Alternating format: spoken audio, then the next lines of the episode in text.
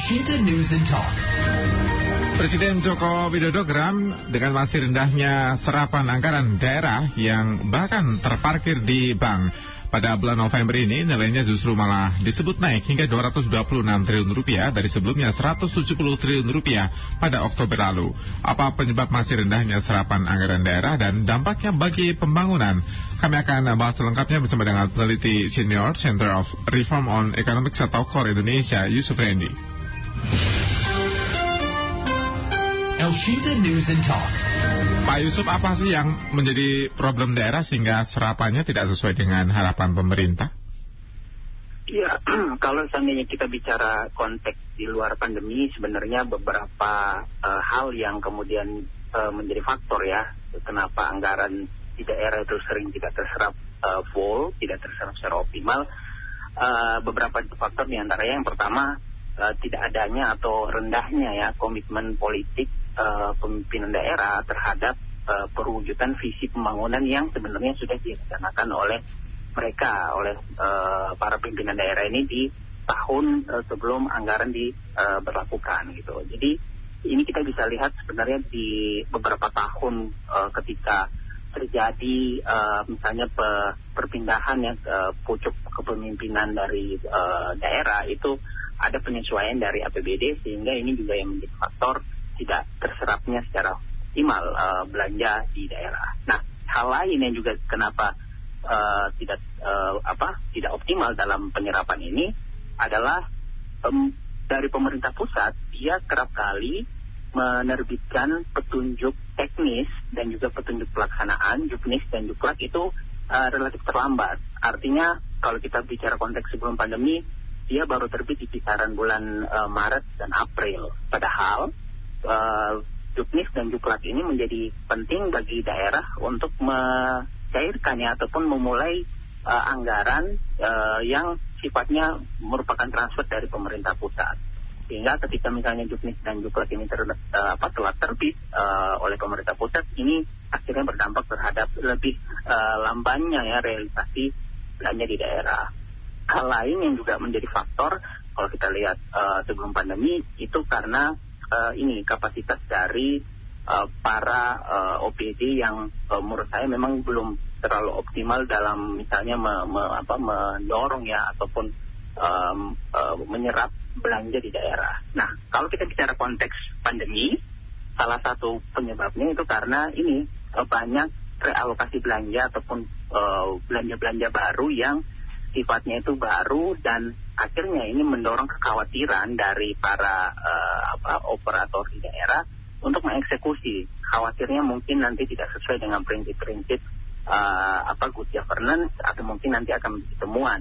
Nah inilah yang menjadi semacam faktor-faktor uh, ya yang akhirnya mendorong kenapa uh, realisasi belanja daerah itu kerap kali terhambat dan akhirnya kita juga bisa lihat kembali ya di tahun ini yang di uh, apa disampaikan oleh Pak Jokowi. Ya, kita uh, lihat data dari Kementerian Dalam Negeri ya. Ini data yang kami ambil dasarkan data terakhir pada bulan ini dari Direktorat Jenderal Bina Keuangan Daerah Kementerian Dalam Negeri per 20 November 2021. Ini data relatif masih baru nih.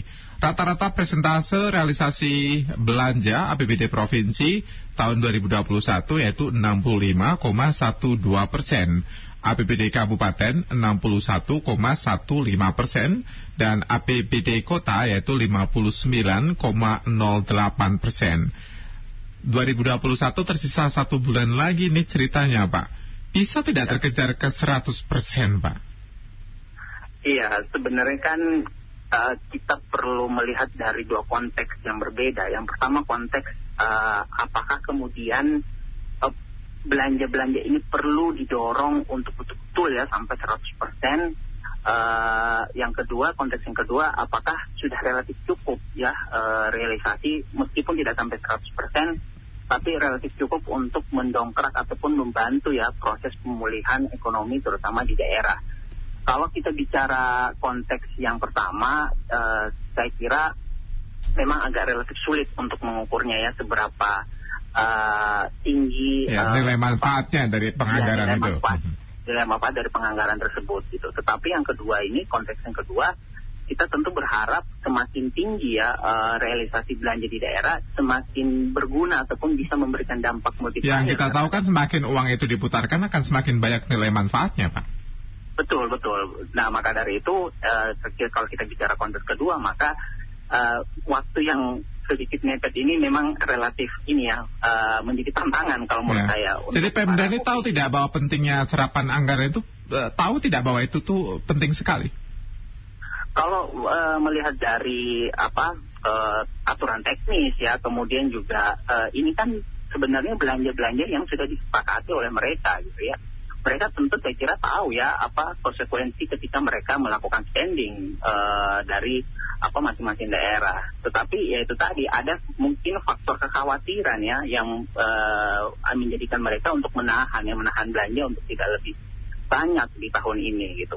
Kalau berbicara uh, tahu menurut saya tahu karena sekali lagi ini visi dari mereka dan uh, apa sebelumnya kan juga sudah konsultasi yeah. ya ada Apakah karena ini juga ada pengaruh dari uh, perencanaan penganggaran yang tidak tepat yang tidak bisa melihat tantangan selama setahun ke depan?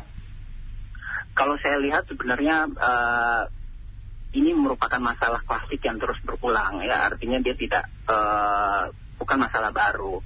Nah makanya kalau kita bicara tahun depan pemerintah pusat berusaha untuk mengubah uh, tabiat ini ya dengan adanya rancangan undang-undang uh, harmonisasi peraturan pemerintah pusat dan daerah.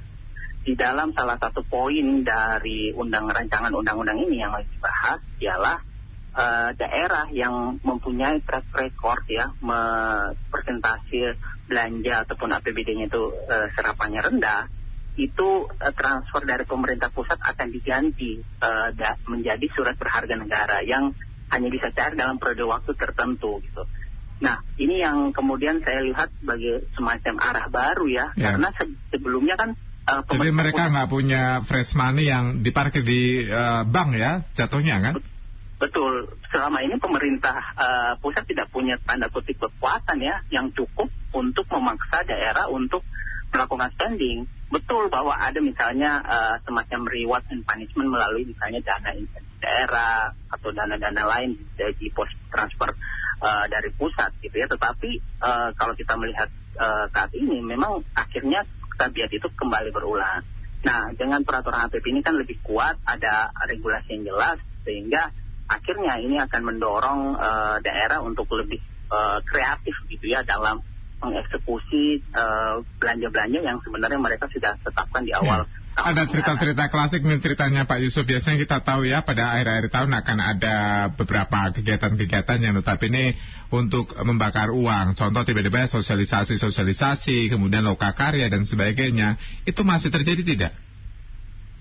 Uh, saya sebenarnya tidak ingin berspekulasi ke sana, tapi uh, kalau kita lihat dari uh, apa proporsi ya belanja uh, pemerintah daerah, memang pem, apa proporsi untuk belanja pegawai gitu ya itu relatif masih lebih besar jika dibandingkan dengan proporsi misalnya belanja modal. Misalnya kan kalau kita mengukur dari uh, pos belanja pegawai itu kan termasuk di dalamnya itu itu tadi ya belanja pegawai dan belanja barang ya. Yeah. Ya. uh, termasuk di dalamnya tadi rapat-rapat kemudian sosialisasi gitu. Jadi loka karya uh, gitu ya. Loka karya. Jadi itu sesuatu hal yang bisa saja terjadi gitu. Uh, uh, kalau kita mengacu ke misalnya temuan BPK di tahun lalu juga uh, banyak yang kemudian menjadi temuan untuk komposisi pos belanja barang gitu ya yang uh, dinilai BPK itu tidak uh, sesuai dengan Jadi benar ya selain halnya kemudian uh, anggarannya tidak sesuai dengan uh, target uh, cerapanya tidak sesuai dengan target tapi keefektifan anggaran juga menjadi masalah besar sebenarnya ya Pak Yusuf.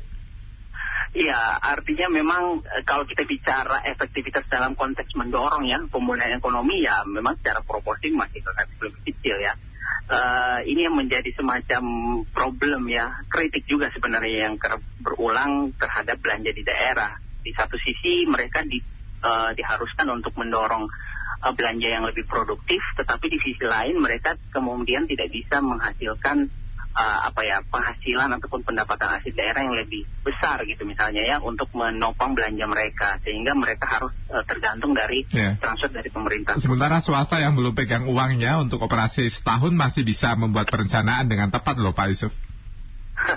Iya, jadi saya kira ini sebenarnya uh, apa ya semacam titik balik ya karena sekarang akhirnya banyak orang yang uh, menaruh ya perhatian terhadap uh, realisasi belanja di daerah ini gitu. Uh, selama ini kan pasti daerah punya internal ya internal auditor kemudian internal uh, dan mereka juga misalnya berkonsultasi uh, dengan BPKP di daerah ya sehingga harusnya ada kayak semacam proses perbaikan uh, untuk penyusunan uh, apa anggaran dan juga uh, eksekusi dari uh, ya. anggaran tersebut gitu. Belum lagi kalau kita lihat 226 triliun yang parkir di bank itu bunganya nanti ke mana tuh Pak Yusuf? Nah, berbicara soal bunga, uh, ini kemudian kan menjadi semacam tanda tanya. Kalau seandainya misalnya ada sisa anggaran di akhir tahun nanti, Lalu problemnya apa? Toh nanti juga ada silpa yang kemudian bisa dipergunakan untuk anggaran tahun berikutnya gitu. Tapi kalau kita lihat dari konteks uh, apa bunga uh, yang di uh, apa yang didapatkan di, pemerintah daerah dan hmm.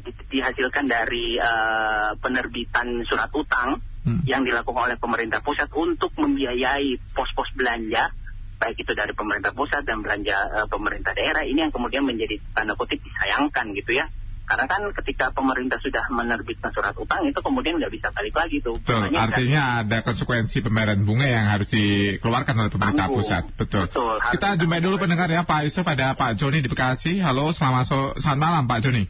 Halo, malam Mas Rofi. Ya ini permasalahan klasik tapi terjadi kembali Pak Joni. Nah, saya, saya flashback ke belakang lah Rofi. Boleh Pak Joni saya kebetulan ngikutin zamannya Orde Baru dan sekarang ini zamannya Jokowi.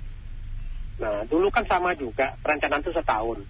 Tapi ada nggak zaman Orde Baru itu cita anggaran yang lebih-lebih begini? Sampai 35 persen ya? nah, kenapa? Karena mereka merasa aman bermain. Karena zaman dulu kan enak aja, yang penting anggaran habis nambah lagi. Yang habis ya? tahun pasti nambah. Pasti nggak tahu dihabiskan buat apa gitu Pak? Iya. Sekarang ini mereka berpikir aman nggak nih bermain?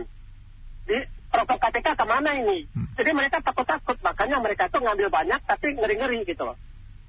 Itu, itu salah satu, salah satu mungkin ya, hmm. ya dari saya. Kenapa? Karena pejabat-pejabat daerah itu butuh uang pasti banyak. Rencana itu pasti bisa. Tapi, eh, ini maaf, maaf ngomong nih, ini sekarang apa enggak gitu. Nah itu. Nah, terus saya usul ke pemerintah, dengan kondisi yang begini, itu turunnya anggaran itu jangan setahun, enam bulan. Oh, per semester, Pak? Iya, per semester. Kenapa? 6 bulan kalau masih sisa, nah yang sisa itu dipakai. Kalau nggak, nggak usah kasih gitu ya? Ah, nggak usah kasih. Bisa anggarannya jadi setahun misalnya 60 miliar. Bagi dua aja, 30 miliar keluarin dulu. 6 bulan nggak pakai, eh, tersisa sekian miliar ya, sisanya pakai Udah, dulu. Udah, gunakan itu ya, yang ada. Ah, Nanti habis bilang ah, gitu ya. Ah, ah. Ya kita itu itu udah udah rasa umum Mas Rofi.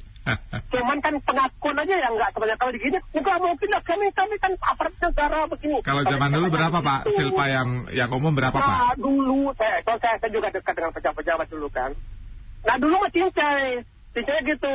Keluar anggaran ada proyek ini siapa yang mau main nih sekian sekian sekian sekian nggak ada PPKP segala macam itu aman dah gampang lah. Sekarang KPK kan jadi jadi, jadi biang kedok. Jadi makanya serapannya besar gitu. Oh iya lah pasti lah dia kan masuk masuk rekeningnya kan juga banyak. Oke, okay. baik terima kasih Pak Joni atas ter, uh, infonya juga nih Pak Joni. Adanya nih ya. Ya, yo. saya bacakan komentar Pak Edi. Bukannya kalau penganggaran itu usulannya dari bawah sampai ke atas sampai ke pusat itu harus uh, dari bawah sudah ada perencanaan yang mantap sehingga nanti ketika diimplementasikan kan tinggal jalan. Kenapa tidak dijalankan? Ini pertanyaan yang lumrah didapatkan yang cinta dari Pak Edi. Tapi sebelum kita bahas lagi kita ke Sunter ada pendengar kami berikutnya ada Pak Petrus. Selamat malam Pak Petrus. Malam Pak. Ya Pak Petrus silakan Pak Petrus. Pak, ya menambahkan dari penelpon yang pertama tadi, Pak. Buat kita orang bisnis dulu waktu zaman Orde Baru ada tiga musim, Pak. Apa itu, Pak? Kalau dagang, Pak, musim Lebaran, musim tahun Natal tahun baru, dan musim ngabisin anggaran, Pak. Musim ngabisin anggaran akhir tahun ya, ya biasanya. Ya, Ya, itu enak sekali dagangnya, Pak. Terima kasih. Baik, terima kasih. Kalau sekarang uh, saya belum tanya tuh ke Pak Petrus ya, apakah dagangan enak kalau uh, musim menghabisin anggaran masih ada konteks uh, politik nampaknya yang dikritisi oleh dua orang tadi Pak Joni dan juga Pak Petrus. Bagaimana Pak Yusuf? Ya, uh, kalau kita me, apa, meng, mengacu kepada pertanyaan yang penelpon pertama ya, yang artinya membahas uh, apa membatasi ya anggaran itu dikasih setengah dulu. Sebenarnya kalau kita lihat skema transfer pemerintah pusat saat ini itu mengharuskan uh, pemerintah daerah untuk menyerahkan semacam uh, realisasi di tahun lalu dan juga realisasi ataupun angga, uh, perencanaan anggaran yang akan dilakukan dalam waktu dekat gitu ya. Artinya ketika ini tidak dilakukan oleh pemerintah daerah, maka pemerintah pusat akan menunggu sampai uh, apa persyaratan ini dipenuhi oleh pemerintah daerah. Jadi uh, kalau saya katakan uh, ini yang kemudian menjadi penyebab kalau kita lihat sekarang transfer ke pemerintah pemerintah pusat ke daerah itu pertumbuhannya justru mengalami penurunan dibandingkan tahun lalu. Karena itu tadi ada uh, persyaratan yang di, di apa dipersyaratkan oleh pemerintah pusat bagi pemerintah daerah, ya. Nah, uh, terkait politik di di, di politik penganggaran ya hmm. politik penganggaran ya saya kira inilah yang kemudian menjadi kritik juga ya karena uh, saat ini kan memang uh, untuk melihat anggaran itu bagus atau tidak dilihatnya dari uh, ininya dari angkanya semakin besar realisasinya akan akan berarti itu sama dengan semakin bagus gitu ya padahal uh, kalau kita lihat kan belum tentu kemudian serapan ataupun uh, tahapan-tahapan uh, perencanaan itu kemudian tercapai gitu ya yang diukur dari misalnya output atau outcome. Nah sekali lagi bahwa ini adalah uh, apa skema yang disepakati bersama dan akhirnya memang kita harus uh, ya. apa berkali-kali Bu ya. Menteri Keuangan Bu Sri Mulyani menyebut bahwa motor penggerak ekonomi kita adalah konsumsi dalam negeri. Bagaimana caranya meningkatkan konsumsi dalam negeri kalau serapan anggaran daerahnya rata-ratanya 60 atau 65 persen ini Pak Yusuf? Iya, konsumsi dalam negeri itu kan uh, diartikan kepada masyarakat biasa ya uh, ketika saya misalnya melakukan konsumsi membeli baju misalnya yeah. itu tercatat sebagai tapi tetap kan ada dampaknya dari politik penganggaran daerah kan? Uh, tentu ada. Misalnya kalau kita uh, bicara apa pe, pe, pencairan anggaran untuk belanja pegawai misalnya ya untuk uh, menggaji ASN misalnya ya, kan. atau ASN mungkin pro, uh, padat karya misal padat karya misalnya itu kan nantinya mereka melakukan konsumsi gitu. Uh, untuk men, apa, mendorong memberikan efek lah secara tidak langsung untuk perekonomian. Makanya pemerintah pusat juga semacam punya kepentingan untuk mendorong ya pemerintah daerah untuk melakukan sekali lagi spending itu gitu. Apalagi misalnya kalau kita bicara konteks uh, belanja modal yang bisa memberikan efek multiplier yang lebih banyak lebih besar gitu ya. Karena uh, melibatkan beragam layar uh, lapisan sektor misalnya jadi itu dia betul ya. bahwa uh, ini yang kemudian menjadi kepentingan. Kalau kita melihat perencanaan penganggaran dan sebagainya, uh, mungkin masyarakat yang tahu di bidang pemerintahan yang melakukan pekerjaan itu kan di tahap-tahap eksekutif ya di pemerintahan. Tidak semua ASN tahu bagaimana politik penganggaran, tapi akan mengkomparasi dengan pihak swasta. Misal perusahaan swasta ketika membuat uh, budget tahun 2022 maka sudah tahu target pekerjaannya apa, kemudian target bisnisnya apa sehingga membutuhkan apa. Nah, di pemerintahan punya metode seperti itu tidak, Pak? Uh, saya kira punya ya. Artinya kan uh, pemerintah itu punya semacam sistem ya, sistem uh, misalnya informasi sistem informasi pemerintahan daerah, kemudian juga ada sistem rencana umum pengadaan yang sebenarnya itu bisa dilihat ya uh, apa rencana pengadaan, kemudian uh, skemanya bagaimana, kemudian realisasinya seperti apa gitu ya. Nah, tetapi ini juga kemudian menjadi kalau menurut saya menjadi uh, kritik juga karena ini sistemnya banyak terlalu banyak nih uh, yang yang yang apa yang muncul sehingga uh, bagi uh, aparatur di daerah belum akan membutuhkan waktu untuk misalnya mengerti semua sistem ini gitu ya apalagi kalau misalnya di daerah satu daerah uh, yang memegang sistem ini misalnya cuma satu orang gitu ya tidak ada SDM yang memadai untuk untuk mengenal sistem ini yang kemudian menjadi uh, permasalahan tetapi kalau dibilang apakah kemudian tahu ada uh, perencanaan gitu saya, saya kira mereka tahu. itu ya basisnya Uh, kata Pak Edi di WA bahwa perencanaan penganggaran kan bottom up. Seharusnya kan ketika dikerjakan dengan top down kan lebih enak. Uh, kalau menurut saya memang kalau bottom up itu kan dari uh, pemerintah daerahnya ya yang yeah. mengajukan misalnya uh, ini loh saya butuh uh, beragam program untuk daerah tertentu. Nah kemudian disepakati kan oleh pemerintah pusat uh, oke yang beberapa program saya uh, kesepakati ini anggarannya nanti tinggal uh, penyesuaian justru sebenarnya uh, bottom up ini untuk lebih apa lebih aspiratif ya, gitu ya hmm. lebih aspiratif untuk mengetahui permasalahan tapi kan enak kan artinya ketika implementasi anggaran kan uh, top down lebih gampang dikontrol kan tetapi kita tidak bisa memberikan ini ya uh, semacam keleluasaan bagi pemerintah daerah untuk mengatur belanjanya gitu. Jadi ini semacam plus minus ya uh, apa dari satu sistem. Ini justru ada uh, pertanyaan yang agak-agak kita harus uh, arah balik ya. Politik penganggaran sekarang uh, perlu dirubah tidak? Kalau menurut saya sebenarnya uh, masih bisa berjalan uh, dengan sistem uh, bottom up gitu ya artinya uh, yang men, apa, mengikuti ya asas-asas dari otonomi daerah gitu. Nah, tapi sekali lagi bahwa uh, betul ini butuh proses uh, apa dari dari semua orang, kemudian juga butuh komitmen uh, dari pemerintah daerahnya itu sendiri gitu. Kalau yang pemerintah daerahnya khususnya mungkin pimpinan daerahnya tidak uh, bisa mengarahkan ya ini yang kemudian menjadi masalah. Jadi lebih ke soal uh, bagaimana kepala daerah yang menentukannya apakah mau 100% atau 60% seperti itu.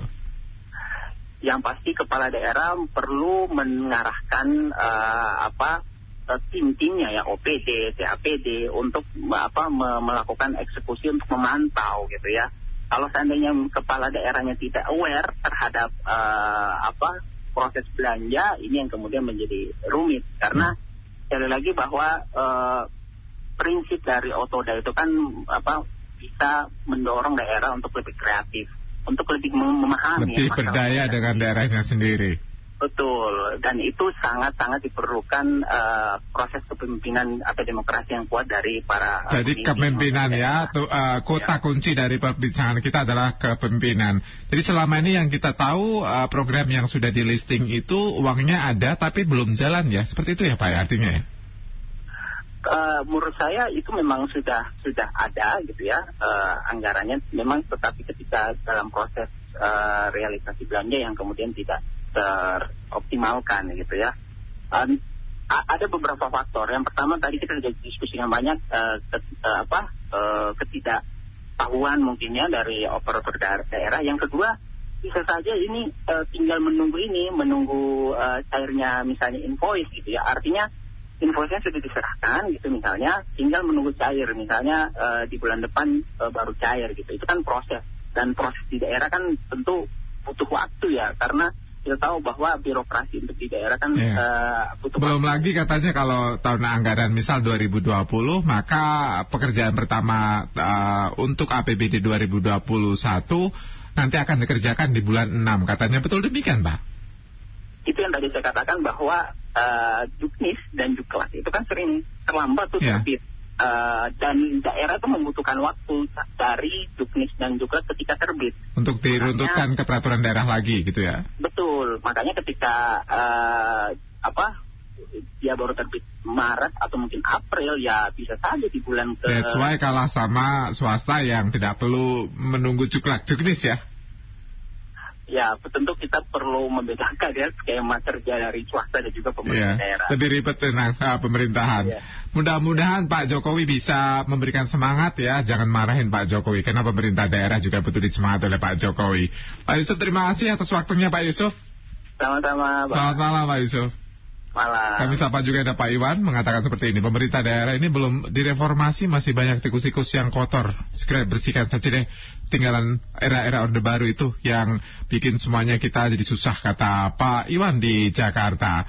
Kemudian ada juga Pak Soli di Bandung. Kata Pak Soli menurut saya dana harus segera dialokasikan dalam pembangunan daerah apalagi mempekerjakan masyarakat yang sifatnya padat karya. Daerahnya akan terbangun, masyarakat juga akan terbantu, kemudian ekonomi juga akan tambah cepat nanti melesatnya. Terima kasih yang lainnya. News and Talk. Membeli produk Indonesia berarti membuka lapangan kerja anak bangsa.